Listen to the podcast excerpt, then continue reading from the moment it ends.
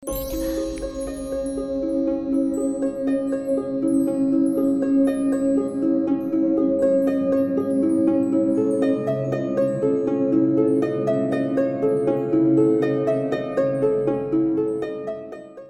datang dan selamat malam.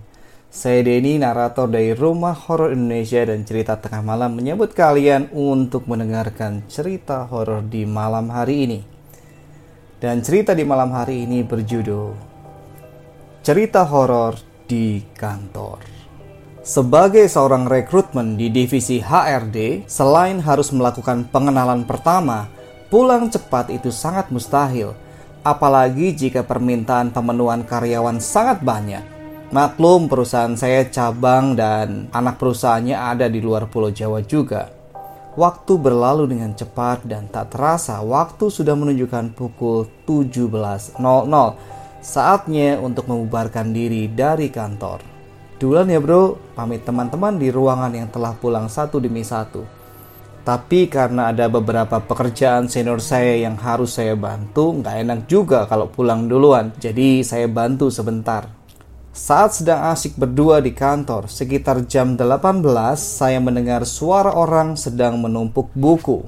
Di cubicle ujung, ruangan saya bentuknya disekat-sekat per subdivisi, jadi biasa disebut cubicle. Karena saya yakin nggak ada orang lain selain kami di ruangan itu, maka dengan penasaran saya nanya ke senior, siapa ya itu? Lembur juga. Tanpa menjawab apa-apa, senior saya langsung shutdown komputer dan mengajak saya pulang. Karena saya masih baru, mungkin dia takut saya shock di awal. Setelah keluar dari pintu ruangan menuju lift, kami melihat ada cowok masuk lebih dulu ke dalam lift. Karena lift di kantor saya sekali jalan, dari lantai 30 harus turun ke lantai satu dulu baru naik lagi sampai lantai 30. Senior saya tidak mau menunggu lama sehingga ia langsung lari dan mencet tombol lift. Kami berpikir karena baru ada yang masuk pasti bisa langsung kebuka kalau belum turun liftnya. Kebetulan liftnya terbuka dan kami langsung masuk. Tapi anehnya di dalam lift itu hanya ada kami berdua. Kami pun saling bertanya, ke mana cowok tadi yang masuk duluan? Mungkin salah lihat kita, jawabku dengan pikiran positif. Kami pun bicarakan hal lain untuk mengalihkan pikiran. Tiba-tiba, display panel nomor 24 menyala dan pintu lift terbuka. Saya sih mikirnya mungkin ada orang yang mau masuk. Saya bergeser ke samping senior saya untuk memberikan ruang buat yang mau masuk. Tapi senior saya terlihat sedikit pucat. Belum sempat saya tanya, ada apa dengan dia? pintu lift keburu kebuka. Bisa kamu bayangkan apa yang kami lihat saat pintu terbuka? Ternyata ada tukang sate lagi bakar sate. Kami melihat seorang wanita dengan baju warna putih lusuh dan wajah pucat. Ia menatap kami dengan melotot dan tersenyum pada kami. Ia berdiri tepat di luar di depan lift. Kami terdiam terpaku tanpa sepatah kata pun dan menatap sosok itu kira-kira 10 detik lamanya. Dan lift tertutup, kemudian secara otomatis turun kembali. Setelah sampai di lantai satu dan duduk sebentar di lobi, kami masih terdiam. Hingga senior saya memulai pembicaraan. Kalau lantai 24 itu ruangan kosong, sudah empat bulan belum ada yang menyewa lagi Kata orang-orang, pintu lift suka terbuka sendiri di lantai 24. Mungkin ada yang mau kenal sama lu bro, maklum. Tradisi perusahaan kalau karyawan baru itu harus kenalan dengan seluruh penghuni kantor ini. Kata senior saya memecah suasana. Iya, tapi nggak gitu juga lah, jawab saya yang masih sedikit shock.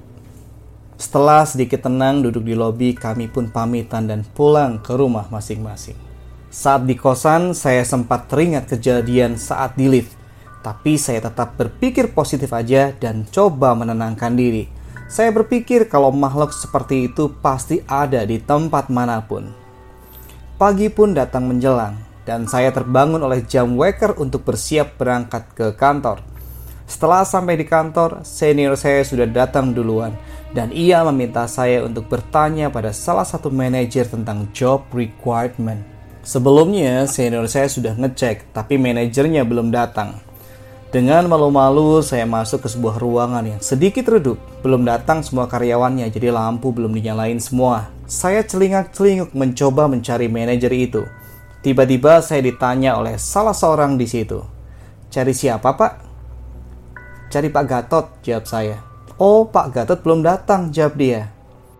Di ruangan itu saya melihat hanya ada tiga orang, dua orang cowok dan salah satunya sedang ngobrol dengan saya, dan satu orang cewek memakai baju putih tapi menghadap tembok sambil menyisir rambutnya yang panjang, kira-kira satu meter. Akhirnya saya kembali ke ruangan HRD dan bilang ke senior saya kalau Pak Gatot belum datang. Dan di ruangannya cuma ada tiga orang, yang satunya cewek. Senior saya langsung menatap saya dan bilang kalau staf Pak Gatot semuanya cowok. Saya pun terdiam sejenak dan coba berpikir positif. Mungkin ada karyawan cewek yang sedang mampir di ruangan itu. Siangnya, saya disuruh mengambil berkas ke lantai 26. Karena lift lama, maka saya putuskan untuk lewat tangga darurat. Karena dari lantai 28 ke lantai 26 tidak akan terlalu capek pikir saya.